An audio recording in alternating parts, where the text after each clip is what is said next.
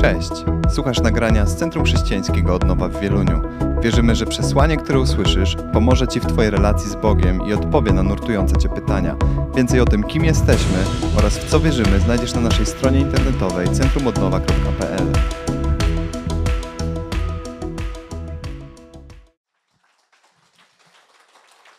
Halleluja. Bóg jest dobry. Powiedz głośno, Bóg jest dobry. I dodaj szczególnie dla mnie. Halleluja. E, moi kochani, e, to zwiastowanie, które e, dzisiaj chciałbym przekazać, zatytułowałem Jest więcej. I zawsze z takim nastawieniem powinniśmy patrzeć na nasze życie chrześcijańskie, że zawsze jest więcej. Bez względu na to, co doświadczyliśmy do tej pory, to jest więcej. Wczoraj mogliśmy modlić się o namaszczenie, o zwiększenie miary namaszczenia, bo jest więcej. Mówimy, że Bóg udziela nam miarę wiary. I jest pewna miara wiary, którą każdy z nas posiada. Pamiętajmy, jest więcej. Jest więcej. Nawet jeżeli jesteś już starszą osobą, to Bóg dla ciebie ma przygotowane rzeczy większe niż te, które wcześniej doświadczyliśmy. I zawsze pamiętajmy, że więcej nie jest za nami, ale więcej zawsze jest przed nami. Moi kochani, jestem z moim głównym powołaniem, głównym powołaniem jest służba ewangelizacyjna. Jestem ewangelistą. Kiedyś zadano mi pytanie, Marek, a kiedy otrzymałeś to powołanie? Kiedy stałeś się ewangelistą? Wiecie, ewangelistą stałem się w dniu mojego nowonarodzenia. Kiedy oddałem życie Jezusowi Chrystusowi, nic więcej nie pragnąłem, jak dzielić się z innymi tym, co stało się w moim życiu, co Jezus Chrystus uczynił przez spotkanie się z Nim. I jest więcej. Moi kochani, chciałbym dzisiaj mówić, a raczej pokazać ilustrację pewnego celu, dla którego Jezus przyszedł na świat. Generalnie mówimy, że Pan Jezus przyszedł po to, aby nas bawić, ale jest więcej. On przyszedł po to, aby objawić nam Ojca. Jest więcej. On przyszedł po to, aby pokazać, że jest tym zapowiedzianym Mesjaszem, o którym mówi całe Pismo Święte. On pewnego dnia wskazał na to, że ludzie szukają w pismach, mowa tu o Starym Testamencie, zbawienia, natomiast one opowiadają o Jezusie Chrystusie, one wskazują na Niego. Ale zawsze jest więcej. I chciałbym dzisiaj mówić o jednym z powodów, dla których Pan Jezus przyszedł na świat na podstawie jednego dnia z życia Pana Jezusa. W ogóle, kiedy czytam Ewangelię, to zauważam, że Pan Jezus więcej czynił niż mówił. To jest bardzo ciekawe. Dwie trzecie służby Pana Jezusa opisana w Ewangeliach, w czterech Ewangeliach, dotyczy tego, co on dokonywał. To był człowiek czynów. To był syn Boży, którego cechowały czyny, i on mówi: I wy bądźcie moimi naśladowcami. Wczoraj o tym wspomniałem. My często myśląc o naśladowaniu Pana Jezusa, myślimy o obszarze etyczno-moralnym. Prawda? O tym, żeby być miłym, grzecznym, nie grzeszyć tego, nie robić tamtego, a raczej to robić czy tamto. Nie, my mamy go naśladować nie tylko w jego moralności, ale my mamy naśladować go w jego postępowaniu, w jego czynach. Kiedy czytam dzieje apostolskie i te cuda, które już są dokonywane po śmierci Jezusa Chrystusa, to ja zauważam, że uczniowie robili dokładnie to, co robił Pan Jezus. Tak jak on pobudził do normalnego funkcjonowania człowieka sparaliżowanego, tak pierwszy cud opisany w dziejach apostolskich to Piotr i Jan, którzy wchodzą do świątyni i co czynią? Uzdrawiają również człowieka sparaliżowanego. Mamy historię, kiedy Pan Jezus y, przywraca do życia dziewczynkę, dwunastoletnią dziewczynkę, która była nieuleczalnie chora i ona umiera. Ona umiera, ale Pan Jezus mówi: Nie bój się, tylko wierz do jej ojca, idzie do domu, wygania wszystkich, pozostaje tylko z dwoma uczniami i przywraca życie tej dziewczynce.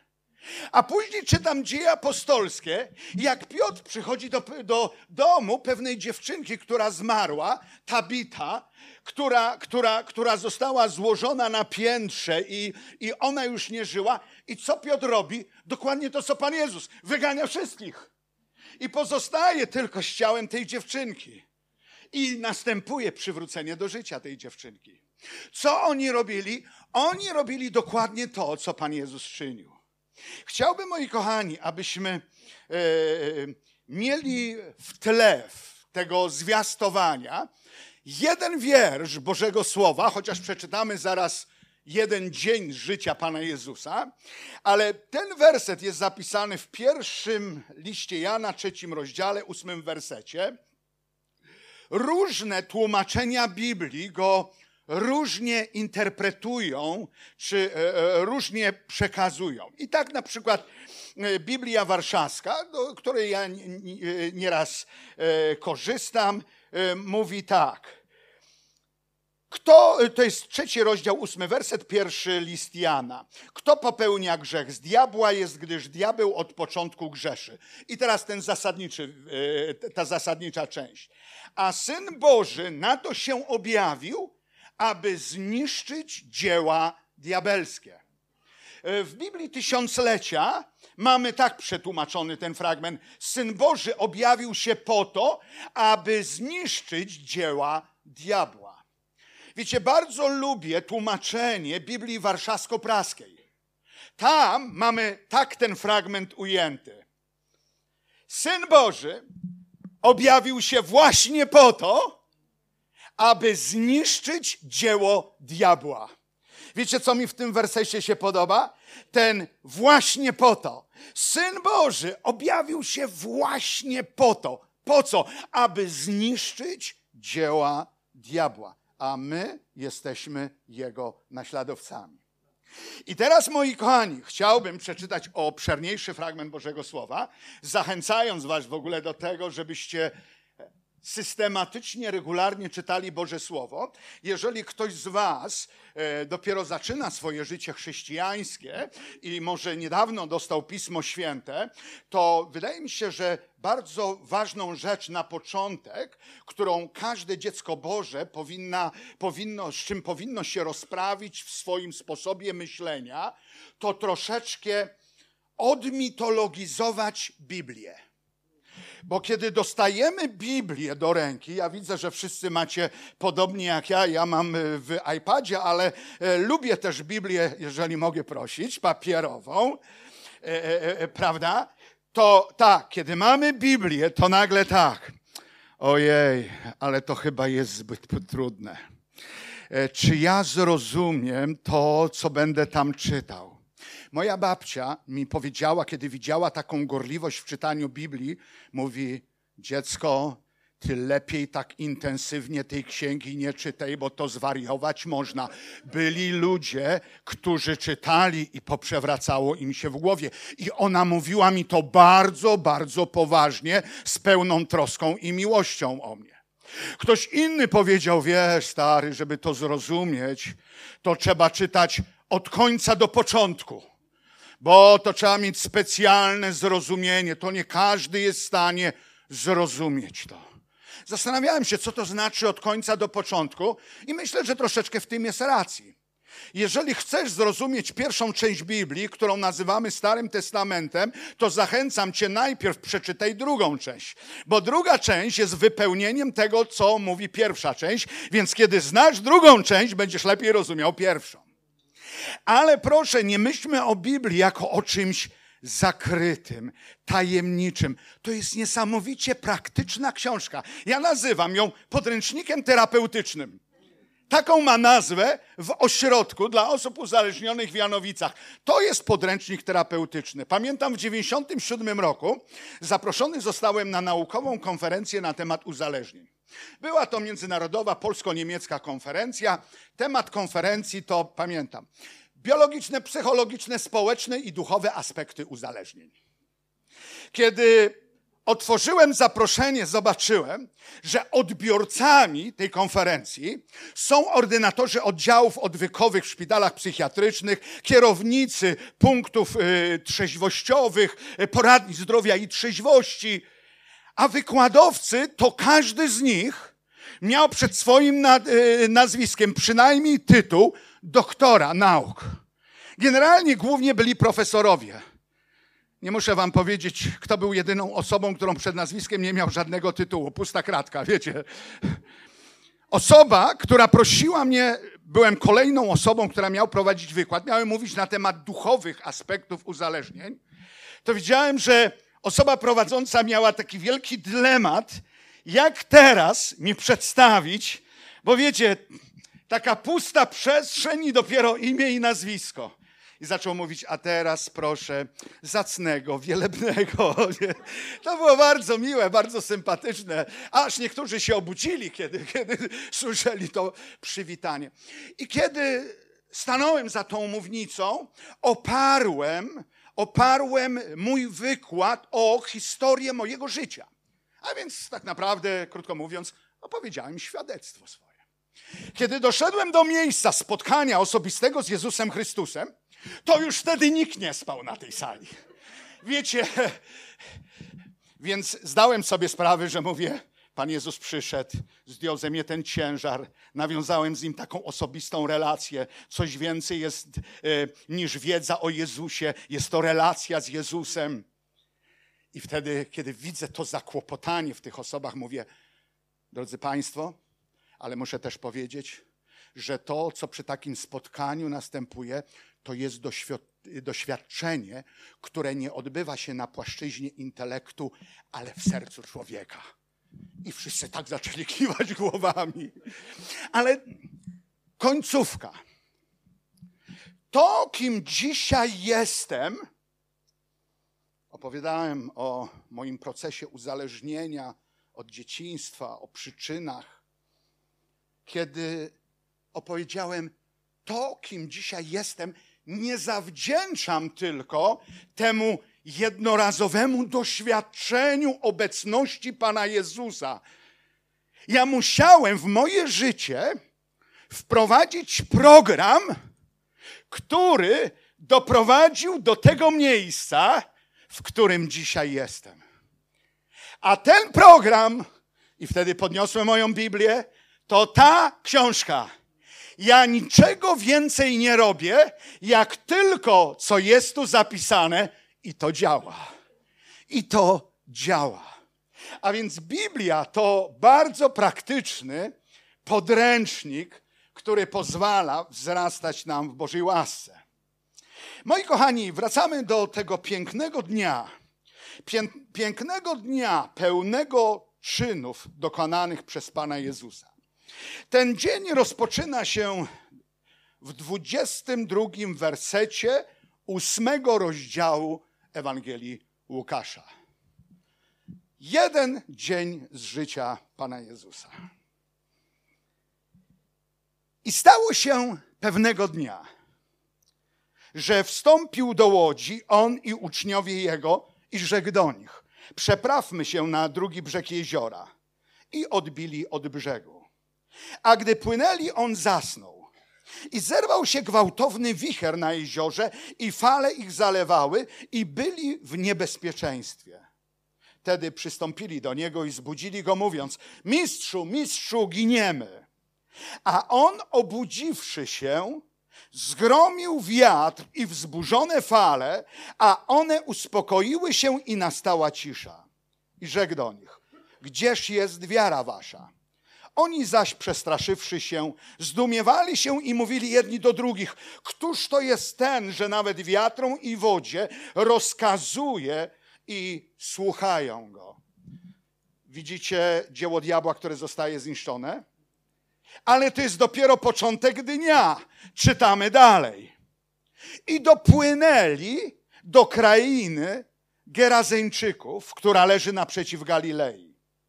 A gdy wyszedł na ląd, zabiegł mu drogę pewien mąż z miasta, który był opętany przez demony i od dłuższego czasu nie nosił odzienia i nie mieszkał w domu, lecz w grobowcach.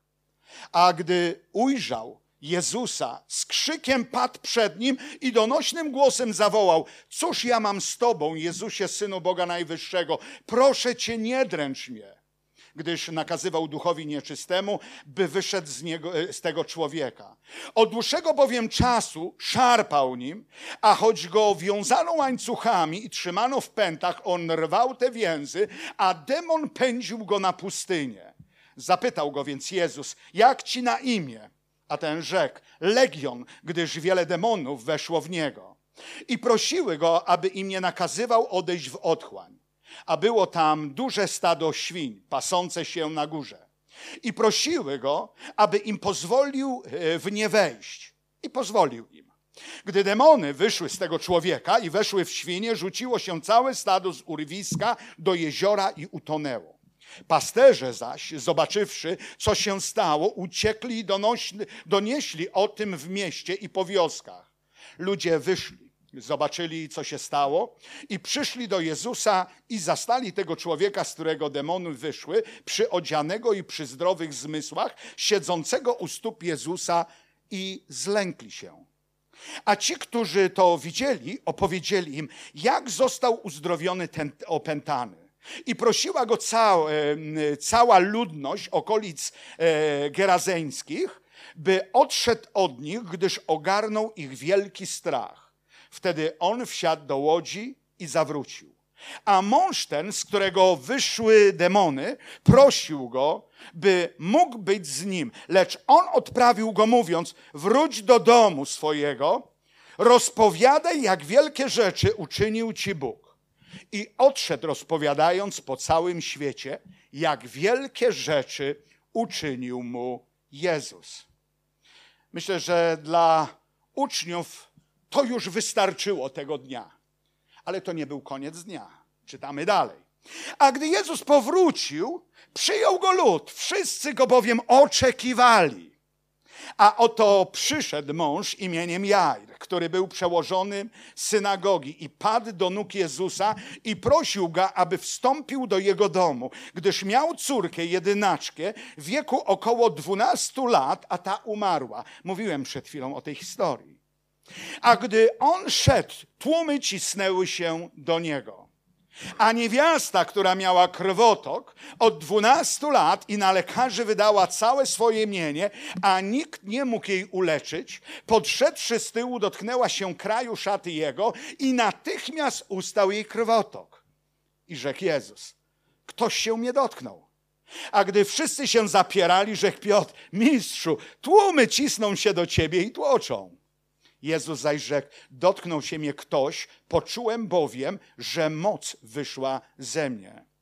A niewiasta, spostrzegłszy, że się nie może ukryć, podeszła z drżeniem i padłszy przed nim, oznajmiła przed całym ludem, z jakiego powodu się go dotknęła i jak natychmiast została uleczona. On zaś rzekł do niej, córko, wiara twoja uzdrowiła cię. Idź w pokoju gdy on jeszcze mówił, nadszedł ktoś od przełożonego synagogi, mówiąc: Umarła córka twoja, nie truć już nauczyciela. Jezus zaś, usłyszawszy to, odpowiedział mu: Nie bój się, tylko wierz, a będzie uzdrowiona. A przyszedłszy przed dom, nie pozwolił nikomu wejść yy, z sobą, tylko Piotrowi, Janowi i Jakubowi i ojcu i matce dziecka a wszyscy płakali i żałowali jej. On zaś rzekł, nie płaczcie, nie umarła, lecz śpi. I wyśmiewali go, bo wiedzieli, że umarła. On zaś, ująwszy ją za rękę, zawołał głośno, dziewczynko, wstań! I powrócił duch jej i zaraz wstała, a on polecił, aby jej dano jeść i wpadli w osłupienie jej rodzice. On zaś przykazał im, by nikomu nie mówili o tym, co się stało. Moi kochani, tak jak powiedziałem, Pan Jezus był człowiekiem czynów. Ten fragment pokazuje, jak wyglądał dzień w życiu Pana Jezusa. Pamiętajmy, że cuda, które są opisane, czyny Pana Jezusa, które są opisane w Ewangelii, to nie jest zbiór wszystkich czynów, tylko niektórych.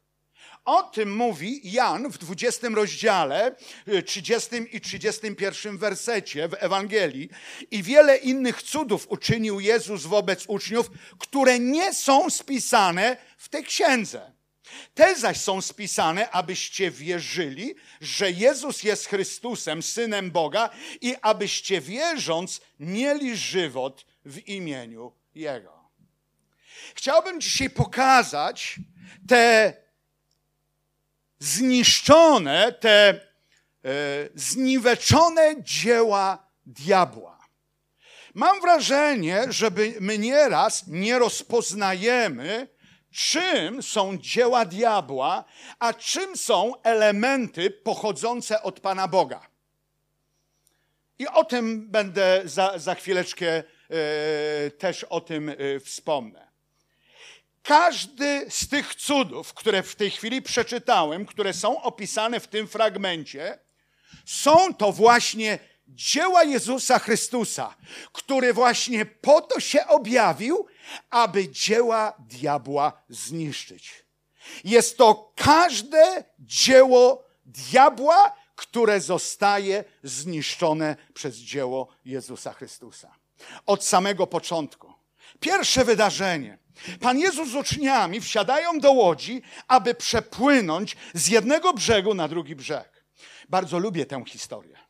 Wiecie, dlaczego ją lubię? Bo za każdym razem, nawet dzisiaj, kiedy ją czytam, to widzę swoje życie.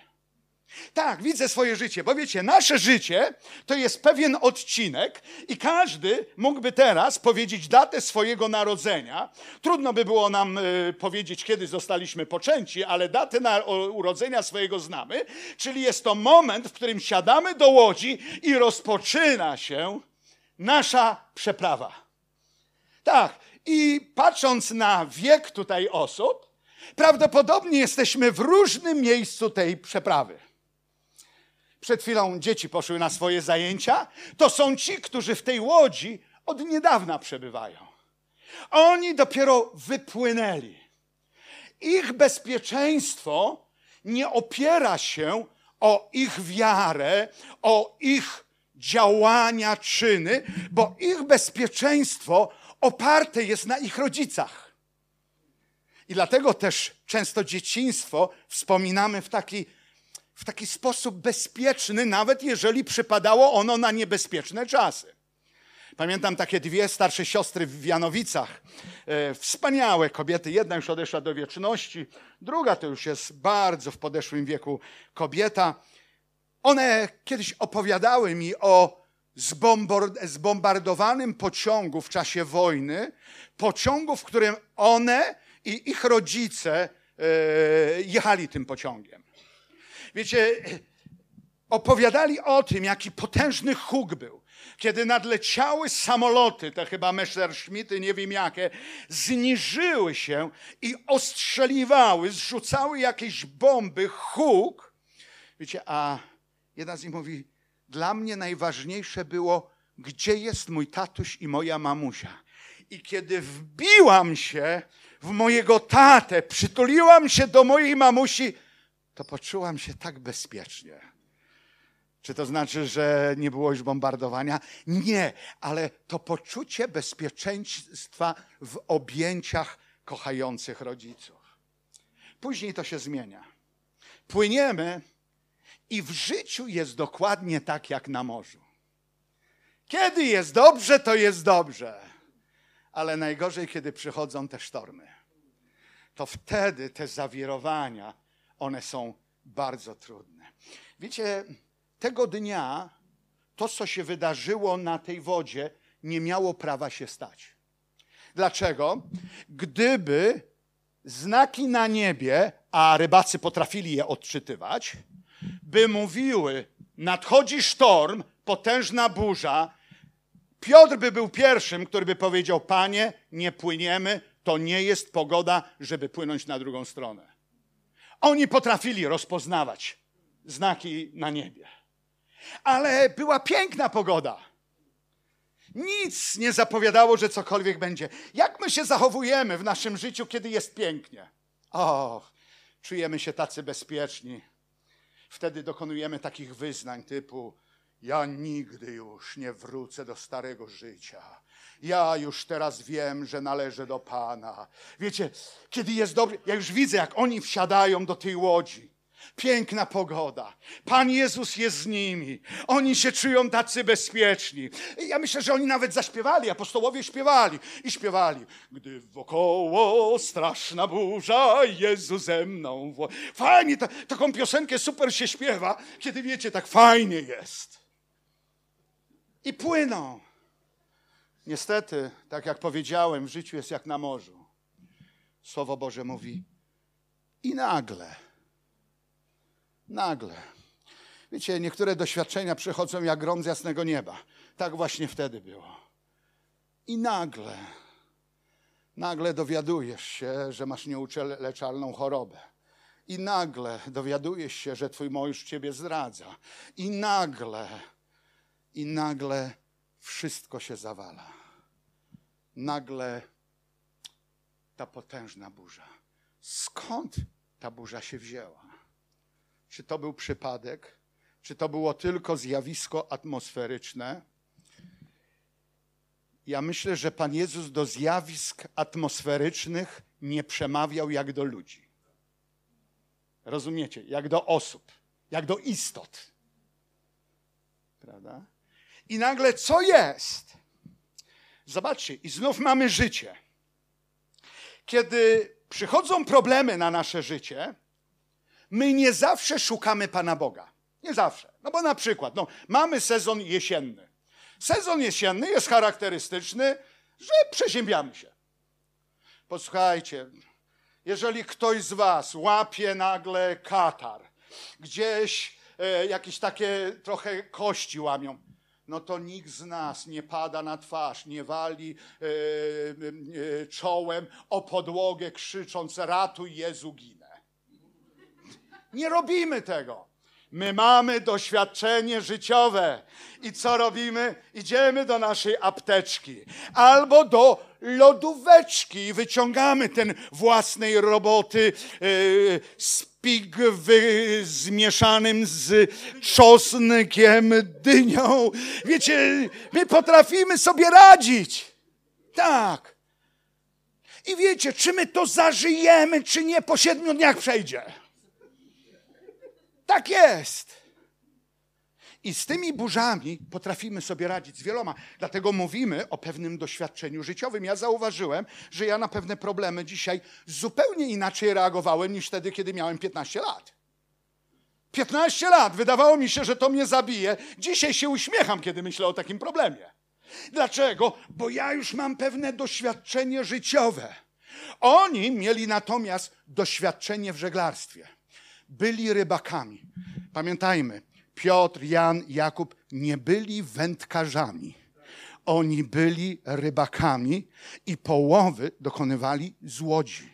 Dla nich sztorm, zmiana pogody nie była czymś, co ich rozwalało i krzyczeli giniemy. Po prostu oni wiedzieli, jak łódź ustawić, jak wrócić do brzegu. Niestety tego dnia ta burza, ona była większa niż ich zdolności, by z niej wyjść. Kiedy zaczęli rozwiązywać ten problem, mieli wiaderka. Ostatnio jedna osoba, nie wiem czy to, ja patrzę na pastora Zbyszka, który u nas był, ale wiem, że jeden z kaznodziei opowiadał, że uczniowie mieli żal do Pana Jezusa, nie z tego powodu, że on spał, tylko oni wszyscy chwycili się za wiaderka, by wodę wylewać, tylko nie on. A przecież trzeba coś z tym zrobić. I Pan Jezus tego dokonuje. Co robi? W jednej chwili wstaje, kieruje swoje wyznanie w stronę tej burzy, tego sztormu, mówiąc: Zamilknij, ucisz się. Nie mówi się ten w sposób do zjawisk atmosferycznych. Ja mam nadzieję, że nie rozmawiasz z kartką papieru, która leży na stole. Prawda? Nie, nie, nie rozmawiamy. To są zjawiska. Ale on wiedział, że tymi zjawiskami ktoś stoi. Stoi diabeł. I ma dwa cele. Cel numer jeden zatopić tę łódź razem z Chrystusem. Kiedy Jezus się utopi, diabeł zwyciężył. Krew jego nie zostaje przelana. Nie wypełniają się słowa. Triumf piekła. Jeżeli nawet to się nie uda, jego uczniowie niech widzą swoją bezradność i oni giną.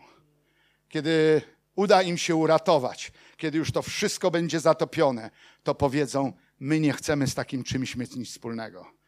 Ja zauważam i spotykam niestety, może dlatego, że jestem już tak długo człowiekiem nowonarodzonym, jak wielu chrześcijan potrafi fantastycznie rozpocząć swoje chrześcijańskie życie, którego później niekiedy nie chcą nawet wspominać. Co się stało? Na ogół jakaś burza, jakiś sztorm, który doprowadził. Nie jestem zawiedziony, to w ogóle nie działa, daj mi spokój. Oto dzieło diabła zostaje uciszone. Widzicie uczniów?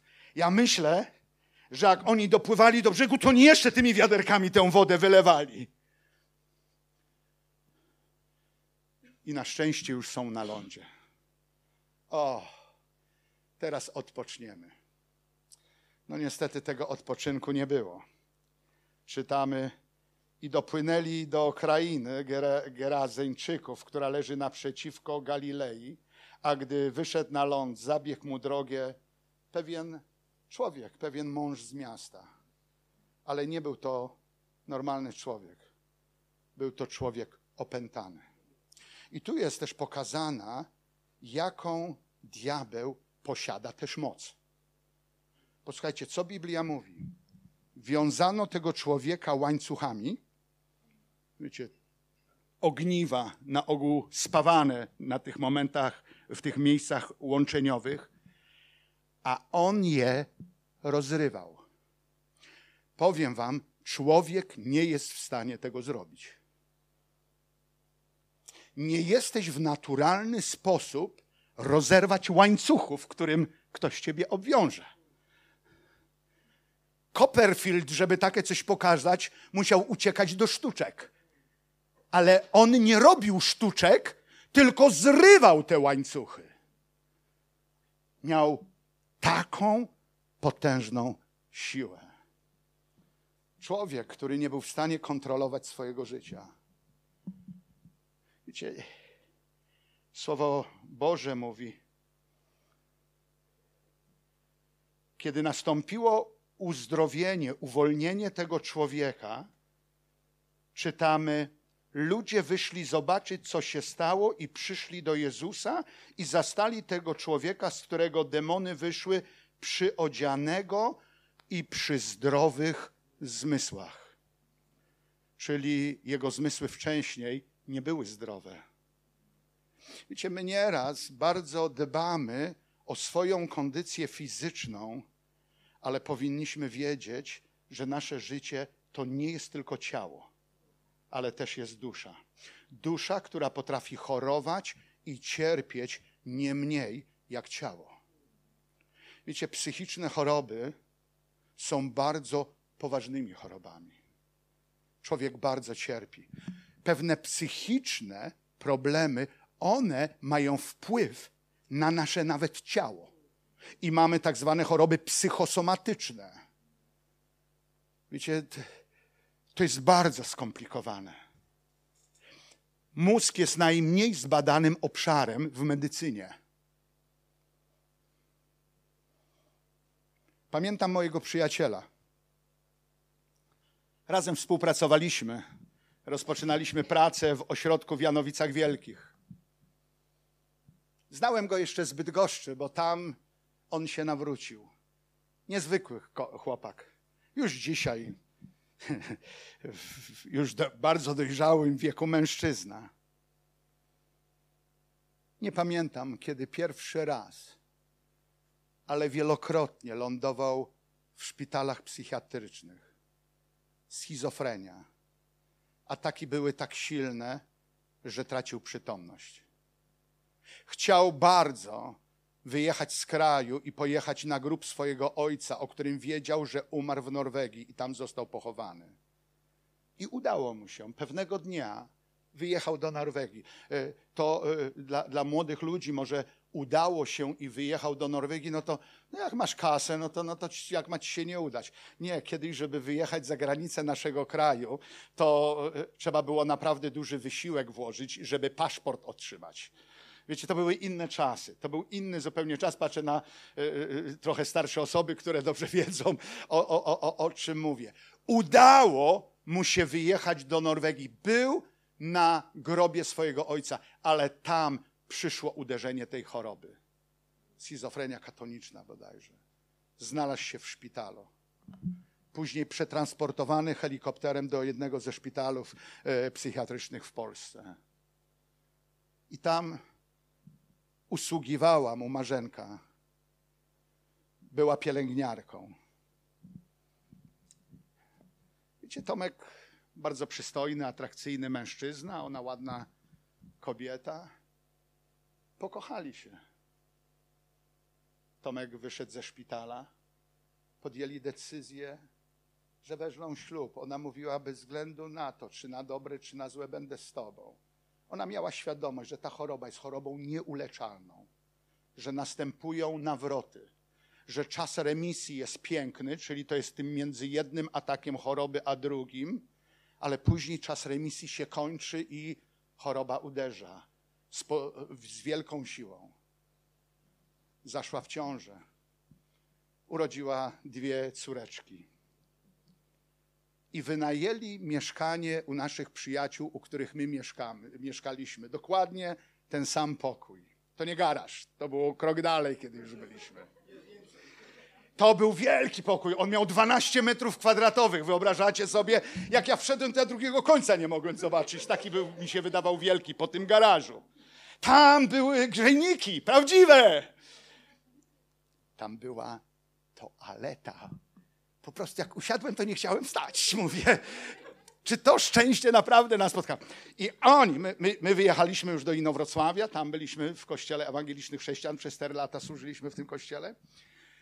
I oni tam zamieszkali. A że gospodarzami byli fantastyczne dzieci Boże, którzy nigdy nie omieszkali, by dzielić się Ewangelią, świadectwem z innymi, więc opowiedzieli tę historię swojego nawrócenia Tomkowi i Marzence, którzy oczywiście oddali swoje życie Jezusowi. Tomek stał się całkowicie wolnym człowiekiem. Mieszka w Jeleniej Górze e, razem z żoną. E, Córki, jedna córka jest za granicą, druga e, jest w uwielbieniu, bardzo pięknie też gra na instrumentach. Fantastyczna, fantastyczna rodzina. Bóg ma moc również nad tym duchowym obszarem naszego życia. Nie macie pojęcia, jak dziś wiele osób cierpi z powodu depresji, stanów lękowych, nerwic. Sytuacje, które są dookoła, jeszcze bardzo są jak oliwa dolewana do ognia. Pandemia, strach, niepewność tego, co będzie jutro. Jak wielu ludzi dzisiaj podtrzymuje się lekami antydepresyjnymi. Czy to jest złe? Nie. Tylko czy to daje wolność? To nie jest złe. Ja chciałbym tutaj jasno powiedzieć. Nie jestem kaznodzieją, który mówi: Nie wierz w lekarzy, nie chodź do lekarzy. Nie jestem takim kaznodzieją. Jestem tym kaznodzieją z trzeciej grupy. Wiecie, bo pierwsza grupa mówi tak: Żadnych lekarzy, tylko ufaj Panu Bogu. Jak Pan Bóg cię nie uwolni, to tam lekarz jest niepotrzebny. I wiecie, takie tam słowa wiary. Myślę, że nie do końca wiary, ale słowa. Drugie, tylko lekarz, Tu medycyna dzisiaj jest tak rozwinięta, ona jest tylko od Pana Boga, więc tu już Pana Boga nie musisz to angażować. Tutaj leczysz się dużo leków, wiecie, farmakologia jest tak rozwinięta, że bierzesz jeden lek, a później, żeby ten lek nie szkodził, bierzesz drugi lek, który czyni, że nie szkodzi ten, ale musisz wziąć trzeci, no bo okazuje się, że ten szkodzi znów na coś innego. Wiecie, można się zagubić w tym. I jest trzecia możliwość. Połączenie tych dwóch rzeczy. Nie bój się lekarza i błogosław go kiedy idziesz do Niego, bo kiedy idziesz do Niego, możesz mu też fantastyczne świadectwo powiedzieć. Nasza pani doktor, rodzinna, jak my przychodzimy i z nią rozmawiamy, to ona mówi, ach, bo wiecie Państwo, wy to tam u góry macie chody. Zapraszamy do tych, którzy mają chody. to jest fantastyczne. Ale niestety potrzebujemy dzisiaj są to często obszary y, y, y, emocjonalne, psychologiczne, są też takie, takie trudne, żeby o tym rozmawiać. Dlatego, że nagle chcesz powiedzieć o lęku, który masz w sercu, ale nie jesteś w stanie uzasadnić, skąd on się bierze, bo on po prostu tam jest. Po prostu paraliżujący lęk, i, I, ja mogę powiedzieć, no ale popatrz, wszystko jest dobrze, y, nie myśl o tym. Nie będziesz o tym myślał, ale czujesz, że to w środku siedzi i to jest tak silne, że nie możesz sobie z tym poradzić. Patrzysz na telewizję, niby chcesz się skupić na jakimś programie, nie jesteś w stanie, bo ten lęk wypełnia twoje serce. Wiecie, można oszaleć. To są trudne sytuacje. Nieraz lepiej by było mieć złamaną rękę niż taki niepokój, lęk, depresję czy nerwicę lękową przechodzić. A dzisiaj taka potężna część społeczeństwa jest dotknięta. Dzisiaj wielu chrześcijan z tym się zmaga. Dlatego mam dla Ciebie dobrą nowinę. Jezus Chrystus objawił się właśnie po to. Właśnie po to, aby zniweczyć to dzieło. To nie jest wola Pana Jezusa. Wiecie, gdyby Pan Bóg chciał, żeby ten człowiek był w takim stanie, to Pan Jezus by go nie uzdrowił, bo Pan Jezus nigdy nie występował wbrew woli swojego Ojca. Dlatego czytamy dalej, kiedy następuje uzdrowienie, uwolnienie tego człowieka, czytamy, Jezus powraca, przyjął go lud, wszyscy go bowiem oczekiwali. Ta burza i to spotkanie z tym człowiekiem opóźniły czas przyjścia Pana Jezusa. Oni tam już go oczekiwali. Gdzie on jest? Co się stało? Dlaczego my tu tak długo czekamy? I kiedy Pan Jezus przychodzi do nich, potężna grupa ludzi. Jest człowiek, który mówi o swojej dwunastoletniej córce, że jest nieuleczalnie chora. Pan Jezus mówi: spokojnie, pójdziemy, uzdrowię ją. I nagle w tym tłumie ludzie, którzy się pchają, wszyscy tam chcieli się Pana Jezusa dotknąć. Wszyscy chcieli mieć z nim społeczność, wszyscy widzieli pewną nadzieję rozwiązania swojego problemu. I była wśród tych ludzi też kobieta. Ciekawe, tu mamy dziewczynkę, która 12 lat ma i umiera, a tu przychodzi kobieta, podkrada się, można powiedzieć, do Pana Jezusa, która od 12 lat cierpi na nieuleczalną chorobę, na upływ krwi. Słowo Boże w innej Ewangelii mówi, że ona wszystkie pieniądze, jakie miała, wydała na lekarzy. Czyli wtedy służba zdrowia działała podobnie jak dziś. Jak dobrze zapłacisz, to wydaje ci się, że lepsze leki dostaniesz. Wiecie, ostatnio się śmieliśmy z młodego chłopaka w naszym kościele, bo córeczka, wiecie, my jesteśmy wrażliwi, jak naszym dzieciom coś jest. I pani doktor przepisała mu jakiś syropek dla tego dziecka. Więc on poszedł i kupił ten syropek i mówi, no nie dam tego syropu dziecku. Co to może być za syrop, jak tylko dwa złote kosztuje? Wiecie, my nieraz, jakbyśmy dwie stówy zapłacili za ten sam syrop, to on by zadziałał na pewno, bo to wiecie. mamy takie myślenie.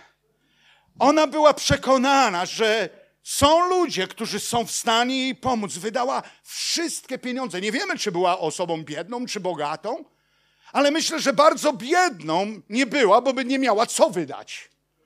Więc była to osoba zamożna. Wszystko wydało. Czyli można powiedzieć tak, ludzkie metody rozwiązania problemu niczego nie przyniosły. Ale Bóg dał coś tej kobiecie. Ona w sobie miała miarę wiary, wiary takiej, że kiedy podeszła do Pana Jezusa, to nie powiedziała tak, jak my często dziś mówimy.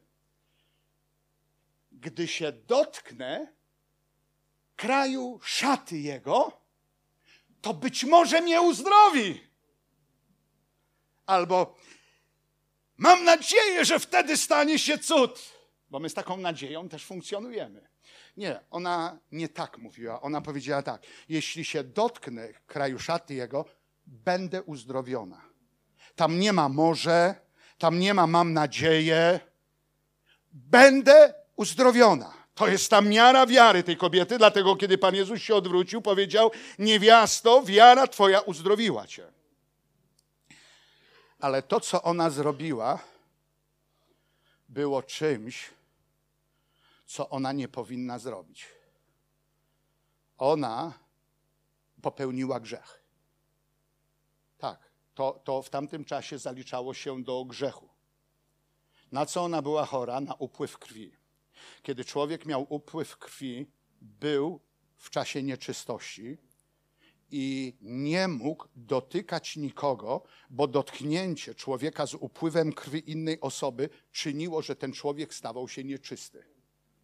Dlatego osoby, które były nieczyste, nie miały prawa dotykać. Dlatego zobaczcie, tutaj mamy taką ciekawą rzecz. A niewiasta spostrzegłszy, że nie może się ukryć, podeszła z drżeniem, padłszy przed nim, oznajmiła przed całym ludem, z jakiego powodu się go dotknęła. Zaczęła się tłumaczyć, przepraszać. Ja byłem zaskoczony, jak to czytałem, bo wydawało mi się, że to jest moment, dotyka, krwotok ustaje, a ona powinna wtedy Alleluja! i tam skakać, a ona nagle kurczy się i się chowa przed ludźmi. Dlaczego? Bo zrobiła coś, czego nie powinna zrobić. Dlatego chciała się ukryć. Zrobiłam, kiedy robimy coś złego, wtedy próbujemy albo ten czyn, albo siebie samych z tym czynem ukryć. Ukryć. I zobaczcie, moc Boga. Kiedy osoba nieczysta dotyka drugiej osoby, ta nieczystość na nią przepływa i człowiek czysty staje się nieczystym. Kiedy ta osoba dotknęła Pana Jezusa, to nie, że uczyniła go nieczystym, ale to ona stała się czysta. Światło jest większe od ciemności. Najmniejsze świata, światełko rozprasza największą ciemność. I znów pytanie. No tak, ale my nie wiemy. A może Pan Bóg tak chciał? Może ta choroba to była od Pana Boga? No ale znów mamy sytuację. To w takim razie Pan Jezus nieźle się Panu Bogu sprzeciwiał. Chyba, że bierzemy, że Pan Bóg to jest ktoś tak dziwny, bo uważam, że tylko tak można najdelikatniej powiedzieć dziwny, że rzuca choroby, a później je zabiera.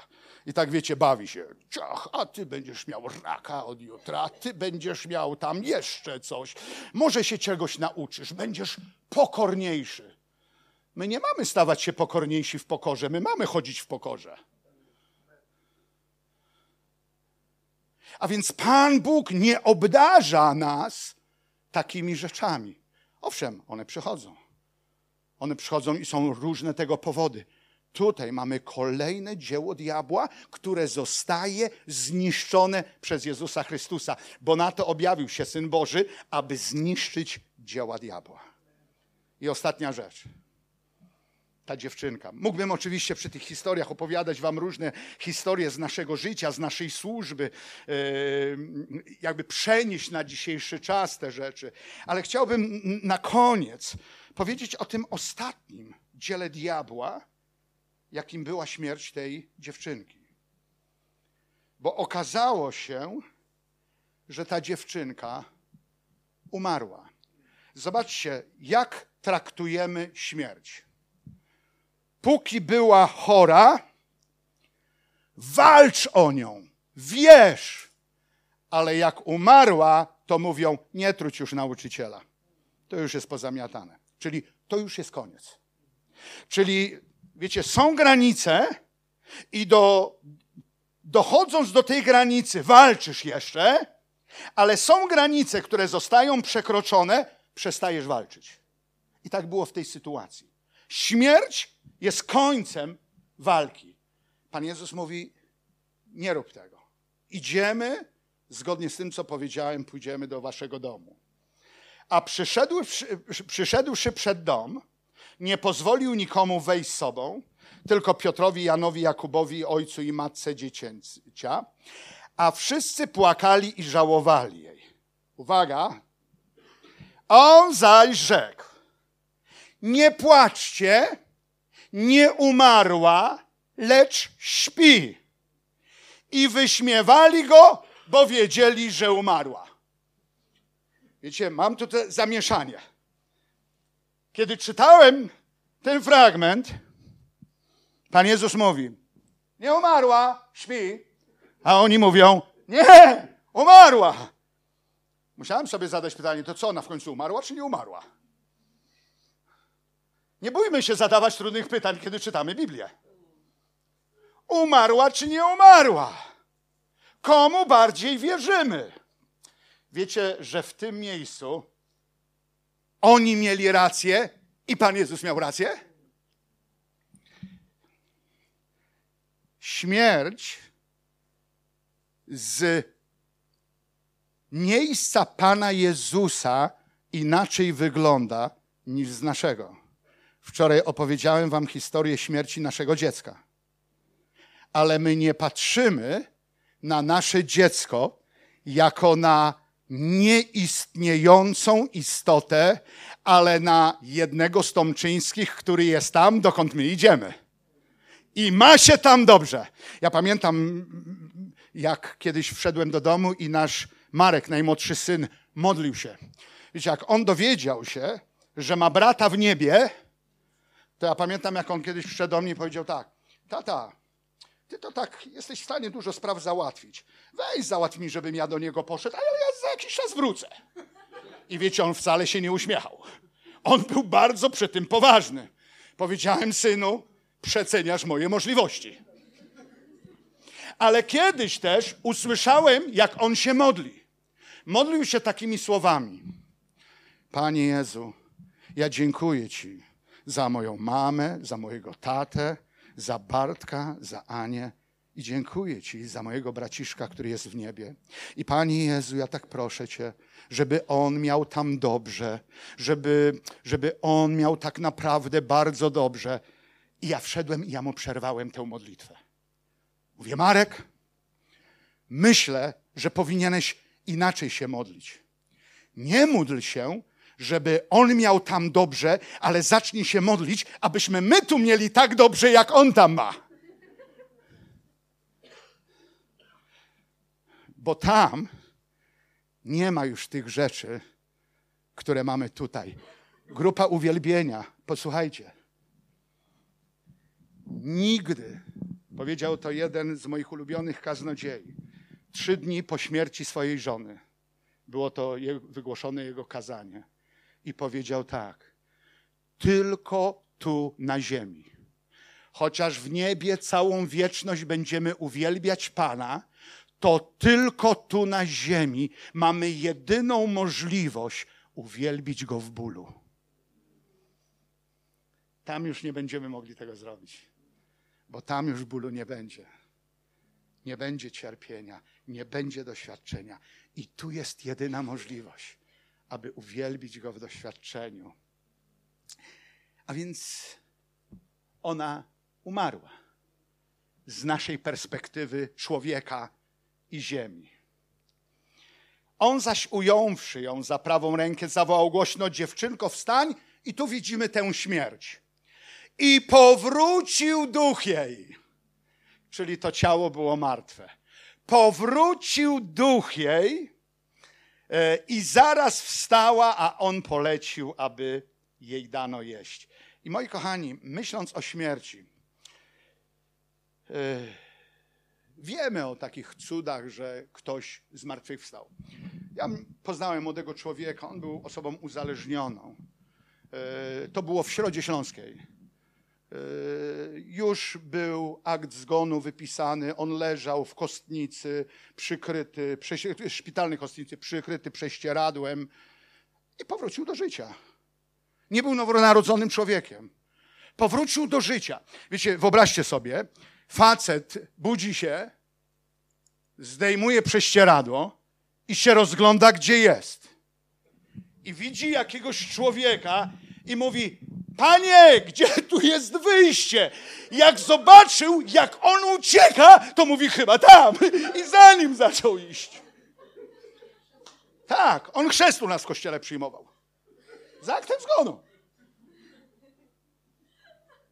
Przyjechał do nas człowiek z Brazylii, Żarbas. Niewidomy człowiek. Niewidomy dlatego, że był, y, strzelano do niego i strzał w skroń, który przeszył jego oczy. Po prostu y, był niewidomy.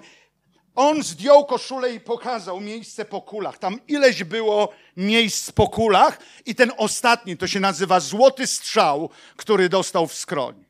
On był handlarzem narkotyków, to był bardzo niebezpieczny człowiek. I stwierdzono zgon. Umarł. Złożono go w kostnicy. I tam został przywrócony do życia. Jeździ dziś po świecie, aby świadczyć o Jezusie Chrystusie. Jest pytanie, no dlaczego Pan Jezus go wzbudził z martwych, a nie przywrócił mu wzroku? Nie wiem. Może dlatego, żeby więcej czasu żoną poświęcił, bo ona jeździ razem z nim. No bo ktoś musi mu pomagać. No, wiecie, no, Pan Bóg ma swoje sposoby. Halleluja. Myślę o mojej żonie. Dobrze, że widzę. Moi kochani, a teraz pomyślmy o tym, że nieraz są sytuacje, że coś w nas umiera.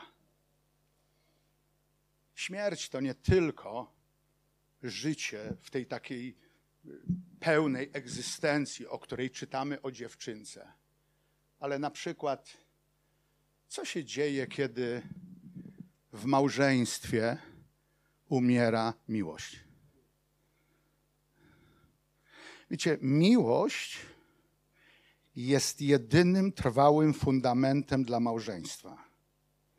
Co się dzieje, kiedy miłość umiera?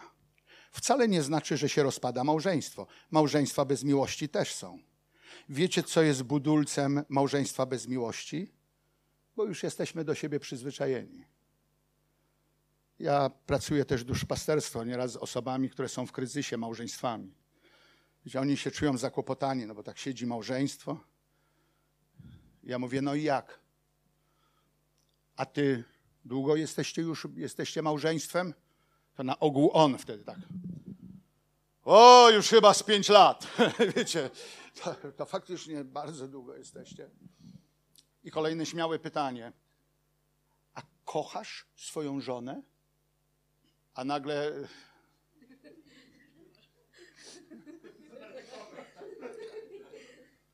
Ja jestem tolerancyjny. ale chciałem dodać, ale nie aż tak. okay. I wtedy, kiedy zadaję pytanie, czy kochasz swoją żonę? Wiecie, jaka jest często taka niepewna odpowiedź? Ja wiem, ja już się do niej przyzwyczaiłem. Wiecie, kiedy słyszę taką odpowiedź, zawsze spoglądam w niebo i mówię: Boże, chroń mnie, abym nigdy się nie przyzwyczaił do mojej żony.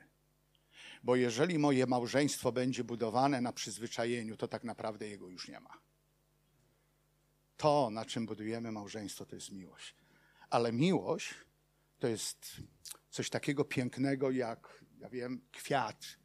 Żeby on był cały czas piękny, to trzeba o niego dbać. Wiecie, my nie pobieraliśmy się, bo się kochaliśmy. My pobieraliśmy się, bo, bo dziecko miało przyjść na świat. Tak, e, nie mieliśmy za dużo moralnych e, zasad. Byliśmy tutaj, e, bardzo swobodnie żyliśmy. My decydowaliśmy, co jest moralnością, co nie. Dlatego dobrze się nie poznaliśmy, a Ewa powiedziała: Jestem w ciąży. i trzeba coś z tym fantem zrobić. Można było wtedy usunąć tę ciążę, dlatego że wtedy aborcja była tak jak dziś kupienie tabletek przeciwbólowych w aptece, więc była dostępna powszechnie. Ale nasze mamy, kiedy powiedziały, że się nie zgadzają na ten ślub, bo nasze mamy się znały. Ewa też wychowywała się od 16 roku życia bez ojca. Kiedy nasze matki powiedziały nie, to my powiedzieliśmy, a właśnie, że tak. I pobraliśmy się. Mieliśmy piękne wesele. Wiecie, ile ludzi było? Ja przez dwa dni liczyłem. 14. Całą weselną wódkę wypiłem dzień przed weselem. Z kolegami. I na pierwszym piętrze po parapecie wokół bloku chodziłem. Ja nie byłem wtedy pastorem. To, było, to, to była inna historia. To, to, to był zły czas. Wiecie, to Ewa po ślubie dopiero zobaczyła, że facet, za którego wyszła za mąż, jest chłopakiem uzależnionym od alkoholu i nie może sobie z tym problemem poradzić.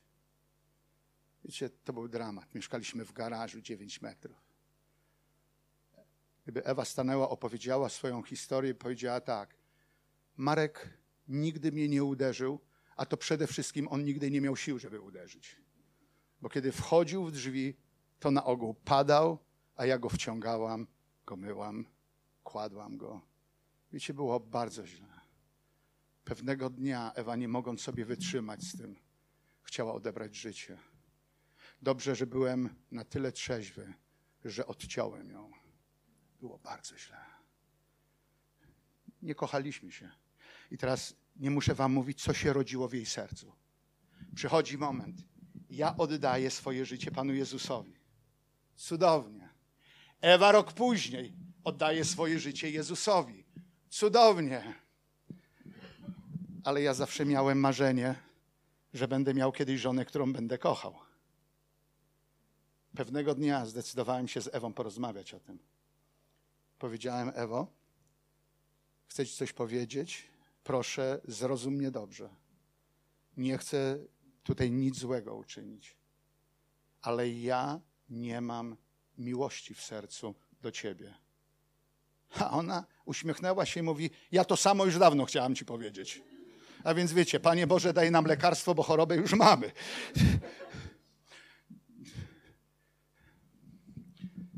Ewa wtedy powiedziała tak: Marek, ja czytam Biblię i Biblia mówi, że Bóg jest miłością. Czy jeżeli On jest miłością, czy nie możemy zacząć się modlić i prosić Pana Boga, żeby On nam dał miłość do siebie nawzajem? I zaczęliśmy to robić. Wiecie, zamknąłem oczy, powiedziałem: Boże, daj mi miłość do żony. Otworzyłem oczy. To ty! Nie, nie, tak nie było. Nic się nie działo. Po prostu skończyliśmy się modlić i, i później znów się modliliśmy. I wydawało się, że nic się nie dzieje, ale zacząłem się na dziwnych rzeczach łapać. Jestem w pracy, patrzę na zegarek i myślę sobie, chciałbym być już w domu. Chciałbym być z Ewą, chciałbym z nią razem. Wiecie, idę do kościoła, siedzę i mówię, te dziewczyny z grupy uwielbienia już nie są jakieś takie atrakcyjne, jak były miesiąc temu. Zobaczcie, jaki nieduchowy człowiek w kościele był. My, my, bracia, wy nie patrzycie w ten sposób. Ja wiem, tutaj czyste oczy, panie, tylko ciebie widzę. Jeżeli nie kochasz tej osoby, to znaczy, że na wszystkie inne w taki sam sposób patrzysz. Co robi miłość? To, to coś. To, to miłość, ja wiem, że powiemy, miłość to nie jest to, co czujesz, ale to, co robisz. Prawda, ale spróbuj miłość bez tego uczucia mieć. To ja mogę do każdej osoby taką miłość mieć. I dlatego Biblia mówi: kochajcie się nawzajem ale to nie jest ta sama miłość. Ta miłość, o której mówię, odróżnia tę osobę od wszystkich innych. To jest to, czego nie mieliśmy, a co Pan Bóg zaczął wlewać w nasze serce. My jesteśmy 42 lata małżeństwa. Nieraz tak z Ewą siedzimy i mówimy, czy te inne małżeństwa też takie zwariowane są jak my? w tym wieku? Wiecie, po prostu się kochamy. Bardzo kochamy. Ja częściej to mówię mojej żonie niż słyszę od niej. Nie, żebym się żalił. Wiecie, kiedyś podszedłem do niej i mówię: Kocham cię, Ewo. Ona tak spojrzała i mówi: Naprawdę? Ja mówię: Jak mam cię przekonać? A ona mówi: Idź śmiecie wyrzuć, bo już się przesypuje kubełek.